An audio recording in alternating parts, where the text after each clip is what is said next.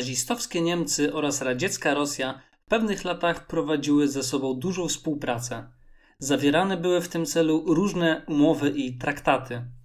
W Moskwie w sierpniu 1939 roku, tydzień przed rozpętaniem II wojny światowej, państwa te podpisały ze sobą pakt Ribbentrop-Mołotow od nazwisk dwóch ministrów spraw zagranicznych Niemiec Joachima von Ribbentropa oraz Związku Sowieckiego Wiaczesława Mołotowa. Tajny protokół tego paktu zawierał uzgodnienia omawiające m.in. sposób zarządzania i rozbioru ziem Litwy, Estonii, Finlandii, Rumunii oraz Polski. Uściślona została również współpraca gospodarcza tych krajów. A więc, czy Trzecia Rzesza oraz Związek Radziecki żywiły realną chęć sojuszu, lecz coś pokrzyżowały to plany? Czy rzekomy sojusz był tylko wstrzymaniem obustronnie świadomej wrogości, a powodem była chwilowa zgodność interesów?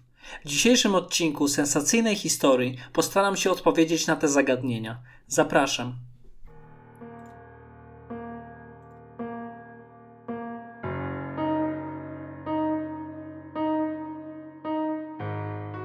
Gdzie możemy szukać zalążków powstawania współpracy tych krajów?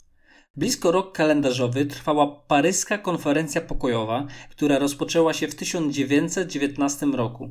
Zorganizowano ją w celu ustalenia światowego ładu przez zwycięzców I wojny światowej i rozliczenia pokonanych. W skład państw pokonanych wchodziły Niemcy, które nie zostały dopuszczone do konferencji. Zostały im jedynie przedstawione postanowienia konferencji do podpisania. Rosja Sowiecka to państwo, które powstało w 1917 roku poprzez rewolucję październikową, czyli zbrojny przewrót bolszewików w Rosji oraz późniejsze obalenie rządu tymczasowego Republiki Rosyjskiej. Mocarstwa Ententy, czyli zwycięzcy I wojny światowej, nie uznawały rządu bolszewickiego.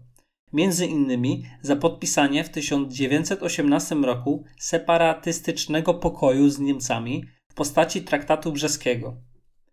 Było to złamanie uzgodnień sojuszników Ententy, w skład której wchodziła Rosja. Doprowadziło to do nieuznania jej jako państwa zwycięskiego i niezaproszenia na konferencję w Paryżu.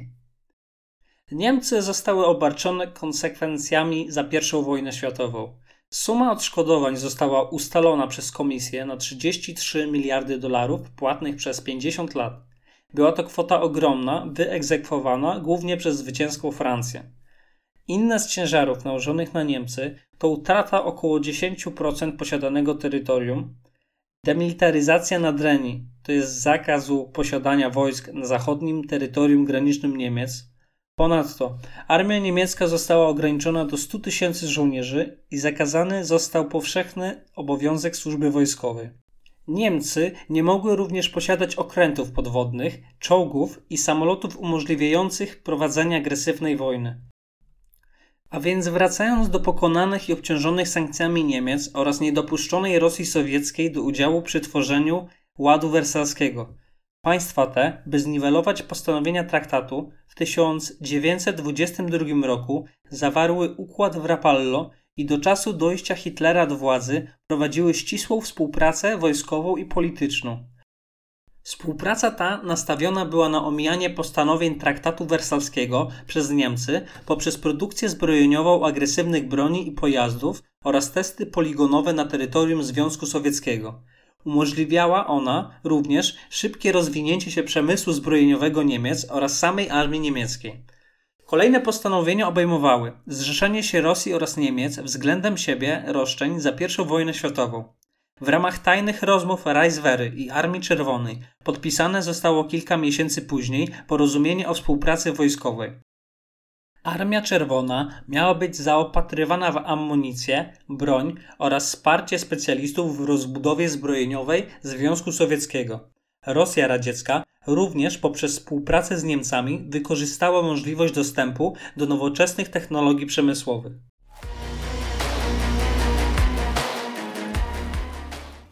Siedemnastego września 1939 roku Związek Sowiecki dołączył w ramach traktatu Ribbentrop-Mołotow do zbrojnej agresji na Polskę. 11 dni później Rzesza i Związek Sowiecki dwustronnym traktatem o granicach i przyjaźni ustanowiły wbrew prawu międzynarodowemu granice na terytorium Polski. Do roku 1941 istniała między tymi państwami współpraca. Ówczesna, osamotniona Wielka Brytania nie była w stanie sprzeciwić się sojuszowi tych dwóch potęg totalitarnych. Jak to więc się stało, że zaistniała między nimi wojna? Dlaczego po tak długiej współpracy sojusz przestał istnieć?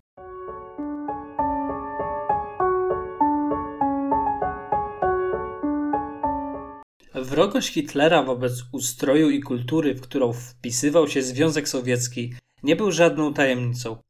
Mein Kampf to tytuł książki napisanej przez Adolfa Hitlera podczas jego pobytu w więzieniu po nieudanym zamachu stanu.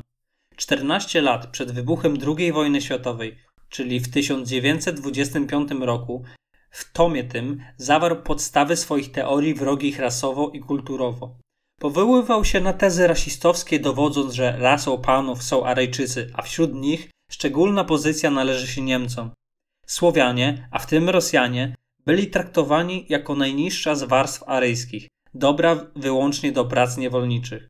Komunizm, tak jak i faszyzm, posiadał kult wodza, monopartyjność oraz totalitarną zbrodniczą władzę. Oba państwa chciały i rozszerzały swoje terytoria. Sowieci w ramach rewolucji światowej wprowadzającej ustroje komunistyczne w zajmowanych państwach. Pierwszą próbę marszu na zachód powstrzymali Polacy, wygrywając wojnę z bolszewikami w 1920 roku. Niemcy również dążyli do zajmowania innych państw. Jedna z przyczyn to tworzenie Lebensraum dla rasy panów. Lebensraum przestrzeń życiowa. Propagandowe i ideologiczne przekonanie, że lud niemiecki nie posiada przestrzeni do życia. Miało to być powodem usprawiedliwiającym ekspansję terytorialną Niemiec. Jeszcze przed podpisaniem paktu Ribbentrop-Mołotow wiadome było, że Niemcy, jak i Rosjanie posiadają wrogość ideologiczną względem siebie oraz imperialistyczne cele rozszerzania swoich terytoriów, które koniec końcu zderzą się ze sobą.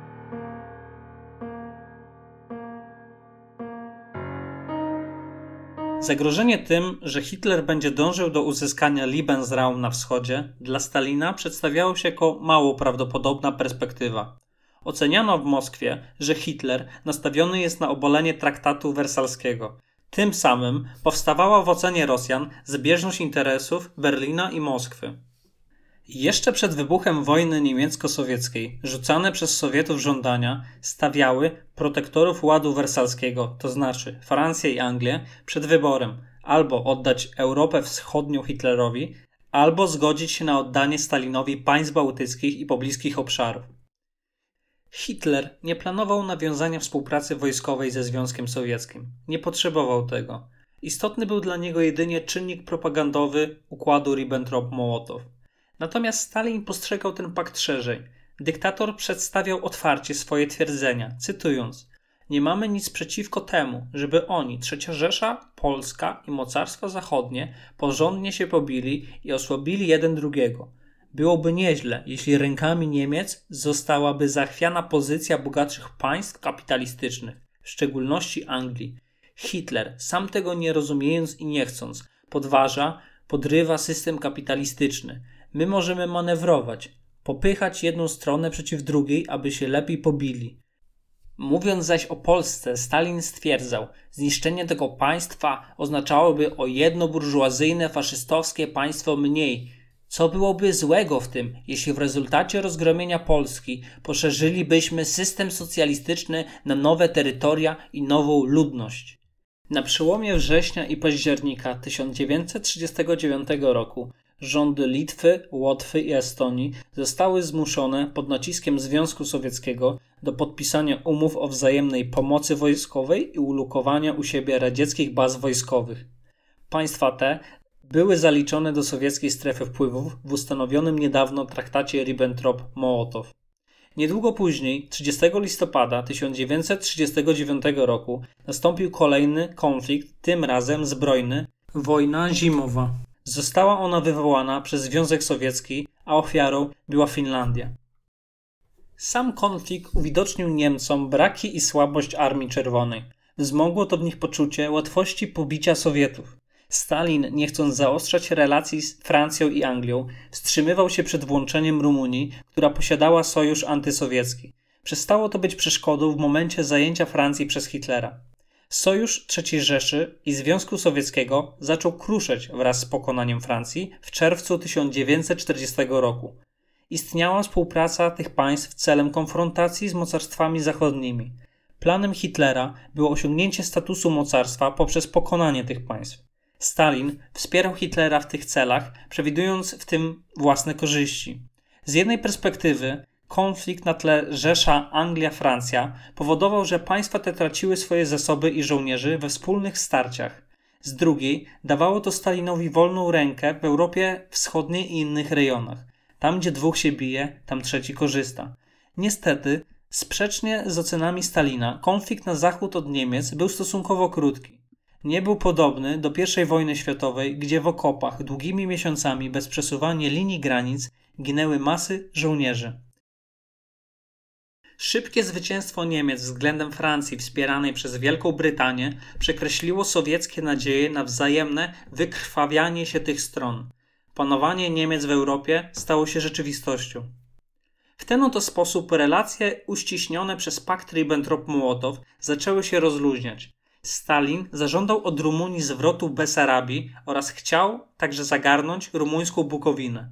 Było to sprzeczne z uzgodnieniami Sowietów i Niemiec. Sowieckie żądania odnośnie Bukowiny zainicjowały zmianę stosunków tych państw. Stalin uświadomił sobie dwa fakty.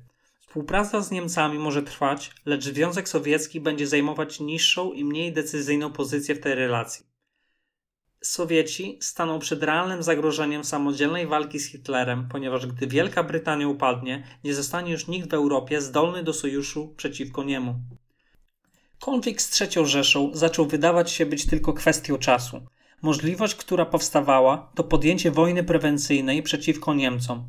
Szanse na wygranie tej wojny były większe, jeśli stanie się to przed upadkiem Wielkiej Brytanii.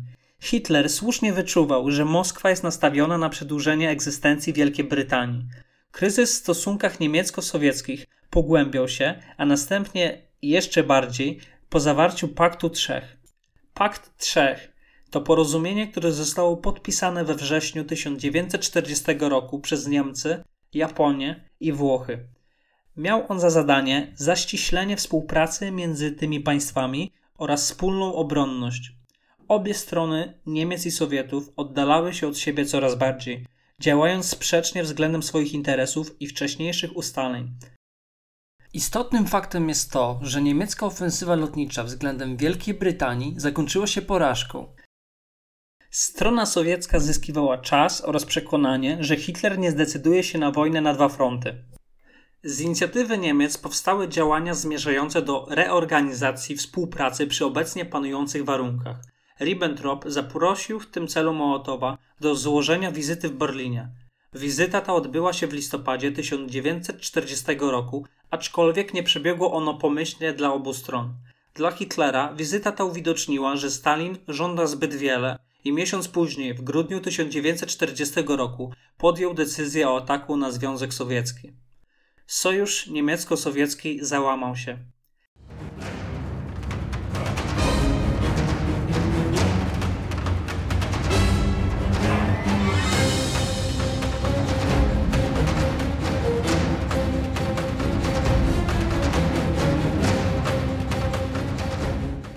Stalin raporty o doniesieniach związanych z koncentracją Wehrmachtu nad granicą Związku Sowieckiego odbierał jako zagrywki polityczne Hitlera lub próby prowokacji. Sowiecki dyktator błędnie oceniał sytuację Niemiec i ich możliwości. Plan ataku na Związek Sowiecki. Operacja Barbarossa rozpoczęła się 22 czerwca 1941 roku. Dla Związku Sowieckiego był to początek Wielkiej Wojny Ojczyźnianej. Zakończony został tym samym definitywnie sojusz obu dyktatur.